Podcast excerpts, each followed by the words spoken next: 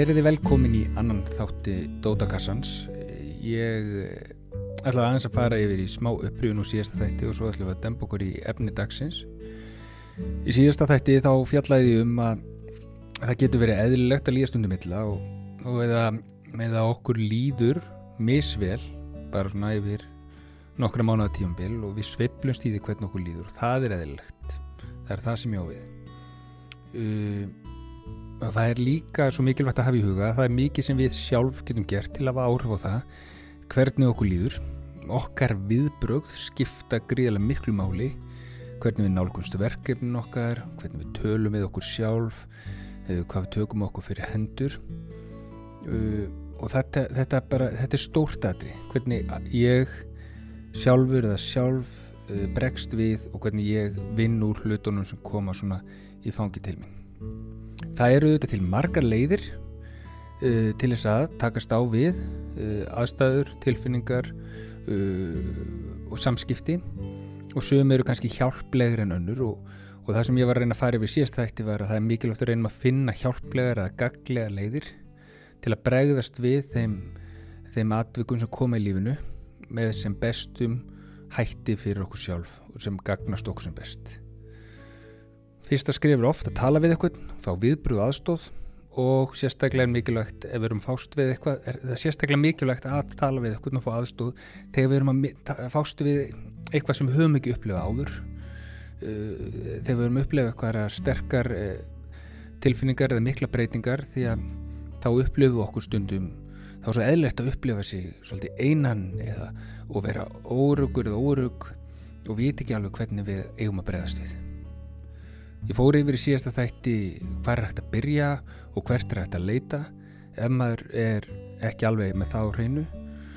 Og það getur bara verið ágætt fyrir ykkur að fletta á tilbaka ef, ef þið mistu það því að, og hlusta á þann þátt og átt að sjá því hvað þú getur byrjað. Og hvert þú getur leitað ef þið vantar ykkur til þess að tala við eða vantar ykkur að ráðgjöf eða stuðning. Nú, í dag... Uh, Við höldum bara áfram byggjónu þessu en í dag ætla ég að fara yfir algengar ástæður fyrir því e, sem hefur áhrif okkur. Um, þetta, eru bæ, þetta eru hlutir sem geta haft góð áhrif okkur og, og slæma áhrif okkur fyrir svolítið eftir því hvernig við nálgumst á. En það er oft gott að byrja, ef maður er alltaf í einu statur á okkur stað þar sem maður líður ekki alveg nógu vel. Það er gott að byrja að fara yfir uh, algengar ástæður, sem, uh, algengar ástæður eða algengar hluti sem hafa ofta áhrif á fólk. Það er að segja, já, byrja að útloka algengustu atriðin og, og fara yfir þau. Þetta, þetta er alveg klárt, þessi þáttur á við um alla sama hvað aldrei maður á eða sama hvað maður er að takast á við. Það er, eh, maður er alltaf alltaf að fara yfir þessar hluti sem við erum að fjalla um í dag með einum öðrum hætti í, á mörgursunum mörgursunum í lífinu og stundum nokkursunum ári og svo framvegs eins og ég sagði í síðasta þekki þá geta verið margar ástöður fyrir því að mann líði ekki nógu vel. Stundum er mjög auðvelt átt að sjá því hvað er að hafa mest áhrif á mig í dag. En stundum er það bara mjög erfitt. Það getur verið margar ástöður og það getur hafa staðið lifir í langan tíma og floknar ástöður og, og það getur líka verið rosalega mikið í gangi í lífinu mínu eða, og uppsapnaðir hlutir sem að Um, ég hef kannski ekki unnið úr jæmt og þétt og ég veit ekki hvað ég á að byrja og þetta virkar kannski allt eins og eitthvað svona allt bara eitthvað það sé allt að eða allt í gangi og, og verður, það verður oft tölvert rugglingslegt en einhver stað verður við að byrja og, og það er gott að fara yfir svona grundvallratriði algengatriði sem hafa áhrif á fólk og vinna sér svo þaðan yfir í önnur atriði aðra þætti þegar maður er búin að því og ég mun fara í næstu þáttum yfir ímis svoleiðis aðriði og ímis svoleiðis þætti. Um, ég finnst ágætt að pæla hans í því eða minnst ágætt að leggja það bara svona sérna, fram bara þegar einstakling kemur til mín í sálfræðivital og líður illa uh, og ég þekki viðkomandi ekki neitt ég veit ekkert hvað hann er búin að gangi í gegnum eða, eða hvað hann er að takast á við. Um, þá, þá spyr ég viðkomandi oft svona spurninga eins og hvað er í gangi í lífinu hvernig er hvernig er venjuleg vika hjá þér? Venjuleg mánuður? Hvað er þetta að gera? Uh, hvernig, og hvernig gengur það?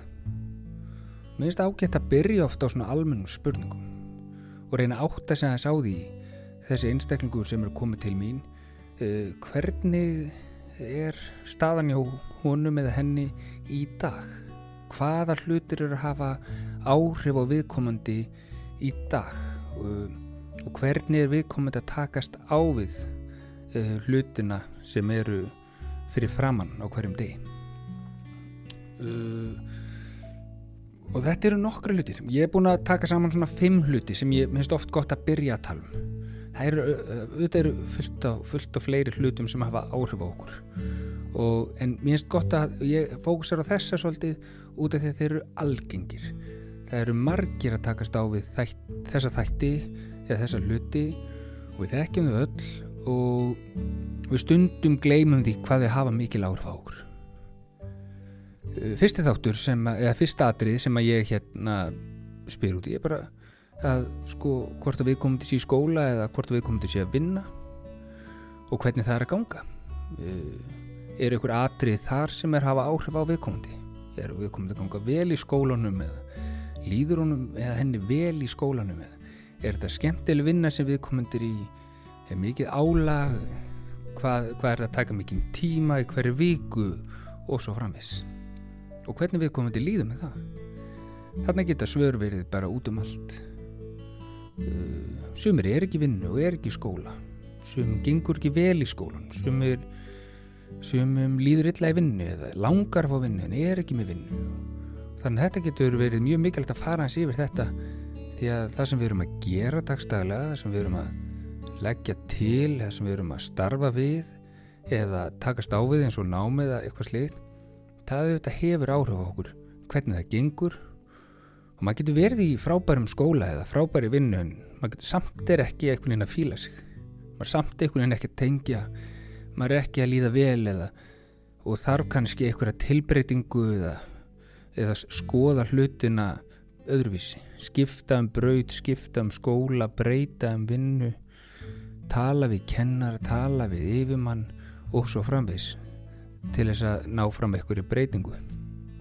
Þannig að ég fyrir ofta yfir þetta aðrið minnst líka að annað aðriði nummið tvö þá er það að spyrja úti og fara að sé fyrir hvaða áhuga mál áttu? Hvað, hvernig ertu að sinna áhuga málunum fyrir mikið tími í að sinna áhuga málunum eða, eða of, lítill tími? Er, er mikið stress í kringum áhuga máli er mikla kröfur? Er, er það mjög uppbyggilegt að þetta áhuga mál sem ég er að stunda? Er að hafa góð áhrif ég heitti oft mjög metnaðafulla og, og kraftmikla kraftmikið ungt fólk sem er í sem er í hörku vinnu áhuga, hörku sem sett áhugamáli sinnir því ofbáslega miklum krafti en stundum er að bugast undir kröfunum eða væntingunum eða, eða keppninni sem fylgir eða er kannski í áhugamáli sem er búið stund í mörg ár og fannst mjög skemmtilegt og gefandi en finnst það kannski ekki alveg jafn skemmtilegt og gefandi í dag og það kallar kannski á það að endur skoða eða pæla hans í því.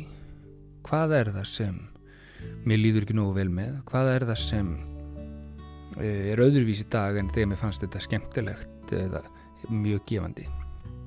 Því að þó að manni finnir skaman í ég veit ekki, æfa hljó, eh, læra á hljófæri eða spila einhverja íþrótt og búin að finna það skemmtilegt í mörg ár þá kannski er, er það orðið rosalega krefjandi, rosalega mikið álag þannig að það kannski er erfitt fyrir mann að láta það ganga upp með öllum öðrum skildum og verkefnum sem er búin að taka að sér.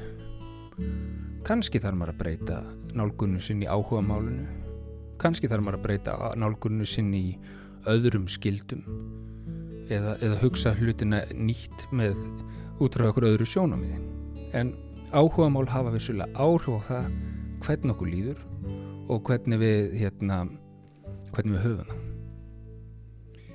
Uh, þriði þáttur, þriði atrið sem ég er með á lista hérna sem ég finnst gott að fara yfir það eru samskipti. Það er bara hvernig samskipti almennt ganga við vini og fjölskyldu og aðra sem eru kringum hann. Þetta er alveg risa þáttur sem þetta hefur gríðarlega áhrif á hamingju okkar og velíðan og hvernig við erum að takast á við daginn. Það að segja, það hefur mikil árfa okkur hvort að samskipti við annað fólk séu góð hvort að við eigum vini hvort að við eigum fólk sem við getum treyst. Og það getur alls konar í samskiptum á milli fólks kemur alls konar upp á. Það er ofta einhverju árakstrar eða miskilningur í gangi á milli fólks eða, eða drama í vinahópum eða, eða stundum er bara allt í góðu standi og allt gengur vel og allir eru sáttir og manni líður vel heima hjá sér og í samskiptu við fóreldra sína og, og, og við vini. Og þá er það líka bara jákvægt en það er mjög algengt að svona hjá besta fólki hjá að, að svona að komi upp alls konar máli í samskiptum og það þarf auðvitað að takast á við það það líður engum vel þegar ykkur, ykkur er erfileikar í gangi í, í samskiptum eða í, í vinhópunum eða fjölskyldunni á manni. Fjórða atrið sem að ég hef alltaf á lista líka sem ég fer yfir er að fara hans yfir hvernig lífstílin er. Hvernig, hvernig er svona rútinan hjá mér. Uh, við vitum auðvitað, það, það er common sense, það vitað allir að mikið djam, áfengi, kannabisneisla og svo framvís, það hefur alveg bara hellings áhrif á það hvernig okkur líður. Uh, það koma oft upp aðstæður í tengslu við skemmtanir og eitthvað svona výmefnanótkun sem valda því að við förum á bömmir eða tökum ákvarðanir sem við sjáum eftir og auðvitað hefur það áhrif á okkur sjálf og, og samskipt okkar við aðra. Uh, þannig að það er allavega veist, mjög, mjög mikilvægt að, að fólk staldra eins við það að, að ef við okkur líður ekki nógu vel að spyrja sig hvernig hvernig hvernig er neysla mín, hvernig er výmöfn neysla mín hvernig er djamið hjá mér, hvernig er heldar lífstílin auðvitað getur ég verið með mjög góðan lífstíl og ekki liði vel. Það er algjörlega inn í myndinni en þá er bara, maður er bara þar á útlokana þátt eða hafa hann í huga. Og ef það er lífstílinu góður þá er það allt gott um það að segja mjög jákvægt og maður mælist almennt til þess að þegar fólk eru að vinna í sínum málum að, að hafa lífstílinn svolítið, svolítið góðan, hafa lífstílinn góðan og uppbyggilan það sem við döldum svolítið frammi fyrir núna með ungt fólk er og bara nú alveg á síðust árum það því að er, er svo breyting að, að neysla orkudrykkjum hefur aukist gríðarlega. Og það hefur bara komið svolítið í ljós að áhrif orkudrykkja eru bara umtalsverð. Við, við verðum meira tens eða ör og getum upplifa sterkari sveiblur kvíða og slíkt ef við drekkjum of mikið orkudrykkjum yfir langan tíma. Ef við drekka marga dósir á dag þá gerur okkur bara allt of ör og sveiplugjörn og það veldur ákveðnum svona óþægindum eh, fyrir mjög marga. Og í lífstílunum þá eru við líka auðvitað líka pæla í bara almennt um heilbriðum lífstíl, bara horfa hans í mataræði og hreyfingu því að gott mataræði og reglur hreyfing hefur margvíslega jákvæð, margvíslega jákvæð áhrif á upplifun okkar, tilfinningar, úttalt og kraft í daglegu lífi. Við þurfum ekki, að vera æfa fyrir crossfit mót eða, eða í einhverju brjálæri hérna, keppnisýþrótt til þess að vera að stunda hreyfingu og koma blóðun á stað. Uh, það hefur margvíslega áhrif á heilan okkar og svona dregur úr spennustígi í öllu kerfni hjá okkur þannig að það er ekki það er alltaf mikilvægt að, að, pæla í því að koma hreyfingu inn í, inn í rútínun Fymta atrið sem ég ætla að fara á síðasta atrið sem ég ætla að fara í dag e, tengist svefni. E, ég bara, ég horfi mjög skýrt á það hjá ungu fólki að meðalans út af þessari orkudrykja neslu og koffin-neslu e, sem hefur tölu verið áhrif á, á hversu auðvelt maður á með að slaka á kvöldin og þá hérna og, og undarfærin ár þegar ég hef gert kannanir hérna í mentaskólum við Hamralíð þá kemur ljósa um 50% mentaskólunum að segja að þau sofi ekki nægilega mikið eða eru bara mjög þreytt. Og kemur það oft fram í því að þau eru lengi að koma sér í gang á modnana þau, þau eru erfitt með að einbytta sér þau verða viðkvæmari tilfinningarlega og upplifa gerðnan að erfiðar með að takast á við mótlæti að vext þeim í augum að því að þau hafa ekki orkuna og kraftin til að takast á við svona uh, já, bara ups and downs svona venjulegu ups and downs sem við lendum í í lífinu og krefjandi verkefni. Þetta hefur líka auðvitað ofta áhrif á samskipti námið og, og, og bara svona innbytningu, skipulag og útalt þannig að ef ég ætti að horfa, einhvern tíma var sagt um mig sko að, að góður svefn væri ódýrasta sálfræði meðferðin það sem áttu við er að ef maður nær góðum svefni þá, þá hefur það svo sterk áhrif á heildar kerfið hjá mann heildar svona líðanina. Hefur áhrif á líkamann það hefur áhrif á hugan það hefur áhrif á tilfinninganar og hefur svona margvísli áhrif. Á samhátt ef maður er ekki með nógu góðan svefn og maður sefur ekki nógu vel í langan tíma þá hefur það líka margvísleg áhrif á mann og gerir vöðvana spenntari maður getur fengið vöðvabólgu maður er ekki einhvern veginn nógu kraftmikill og maður er sérstaklega um hörundsárari og viðkvæmari á marganátt í, í svona daglegu, daglegu lífi. Þetta er þessi fimm þættir sem ég finnst gott að byrja að fara á, fara yfir og, og reyna átt að sjá því hvernig staðan er hjá manni uh, varðandi þessa fimm þætti. Þessir þættir eru eftirfærandi. Hvað er ég að gera svona í, í vennulegri viku, er ég í skóla eða vinnu eða eitthvað annað? Númur tvö, hver eru áhuga máli mín? Númur þrjú, hvernig ganga samskipti mín við vini og fjölskyldu? Númið fjögur, hvernig er lífstíli minn? Og númið fimm, hvernig er svefnin minn? Mér er gott að ná, punkta nýður hvað er að ganga vel og hvort að sé eitthvað sem ég geti vilja hafa öðruvísi eh, varandi þessa þætti. Og eh, nota kannski punktana atriðin sem ég kom inn á í síðasta þætti hliðsjónar og velta fyrir sér hvort að þessi nálgun sé hjálpleg eða, óhjálpleg og, og, og svona vel, vega og metaðins uh, hvort að mín taktík sé, sé góð og gagleg í, eða ekki. Uh, er eitthvað sem ég er að gera eða er eitthvað aðstæð sem ég er í eða er eitthvað samskipti sem ég er í sem eru að hafa neikvæð áhrif á mig? Það er, það er það, maður þarf að hans að spyrja sig að því. Er eitthvað í mínum lífstíl eða áherslum sem ég er ekki sátt eða sáttur sáttur með og, myndi vilja hafa öðruvísi?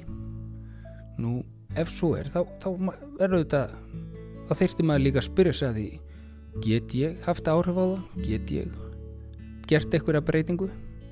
Og myndi það hafa góð áhrif á mig? Myndi það hafa góð áhrif á mig að halda áfram að gera hlutina eins og ég hef verið að gera þá? Eða er alltaf lægi að prófa gera hlutina? Kannski aðeins öðruvísi? Er, er, er það kannski góð hugmynd að tjekka á því? Er kannski komið tíminn til þess? Það, það er svona spurningar sem, er, sem að getur verið að spyrja sjálf hans eða þetta er svona, þetta er svona sjálfskoðun og, og við þurfum oft það er algjörlega nöðslegt við þurfum oft að fara í gegnum ákveðna sjálfskoðun í lífinu. Það er gott að hafa svona hugfast að þó eitthvað hafi gengið vel eða, eða verið góð hugmynd á einum tímapunkti þá, þá þýðir ekkit endilega það í við í dag. Það getur verið góð hugmynd að fara í sjálfskoðun reglulega og pæli því hvort að hlutinir sem ég er að gera í dag sé að hafa góð orð á mig hvort að ég vilji gera einhverja breytingu eða nálgast hlutina með öðrum hætti en ég hef gert hinga til og sjá hvað áhrif það hefur á mig. Ég hef allavega séð og ég minnst bara mikilvægt að hafa það líka ég hef allavega séð marga fá betri yfirsýn á sitt líf og stöðuna sína með að fara í gegnum svona sjálfskoðun svona sjálfskoðun eða ykkur skonu aðra. Allavega að horfa eins inn á við horfa í aðstæðuna sínar og pæla eins upp átt eða svona með sjálfum sér skrifa nýra á blad hvort að maður sé sáttur eða ánægð með hlutina eins og þeir eru og hvort maður geti gert eitthvað í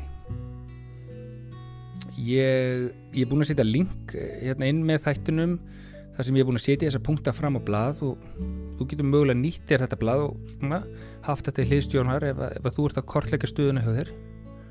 Og pælt í hvort að það sé okkur atrið þarna uh, sem teikast þessum þáttum sem sé að hafa áhrif á þig. Og, og mögulega er þetta fyrsta skrifið að fara yfir stuðuna og sjá svart og hvítu hvernig staðan er og fá hugmyndir að næstu skrifum en og ég bara smáleitir auðvitað þetta er ekki tæmandi listi uh, við það sem er að hafa áhrif á okkur.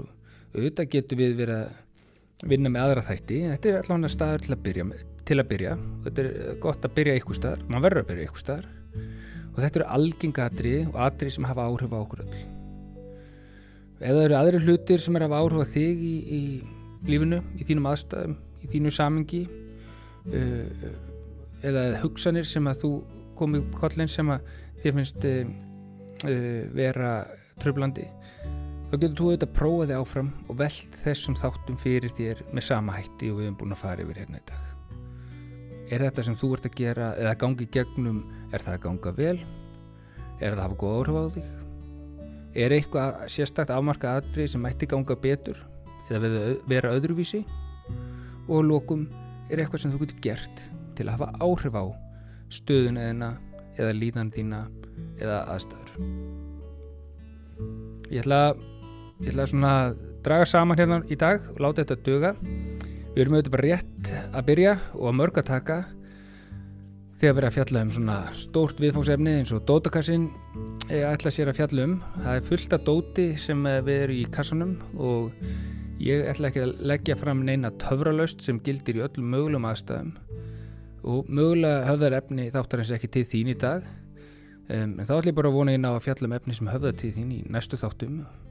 Og ef ekki þá hvet ég þið endilega til að senda á mig tölupóst dótakassin hlaðvarp.gmail.com eða hafa sambandi gegn Facebook og aldrei vita nefnir getur brugust við þínum pælingum í næstu þáttum Dót dagsins var að fara yfir stöðun hjá sjálfum sér eða sjálfur sér fara yfir algenga þætti sem hafa áhrif á okkur öll og velta því fyrir sér hvort hlutin sé að ganga vel hvort ég geti fundið eitthvað sem geti gengið betur og spyrja sjálfum sér því hvað ég sjálfur eða sjálf get gert til að bregðast í stuðun eins og hún er í dag.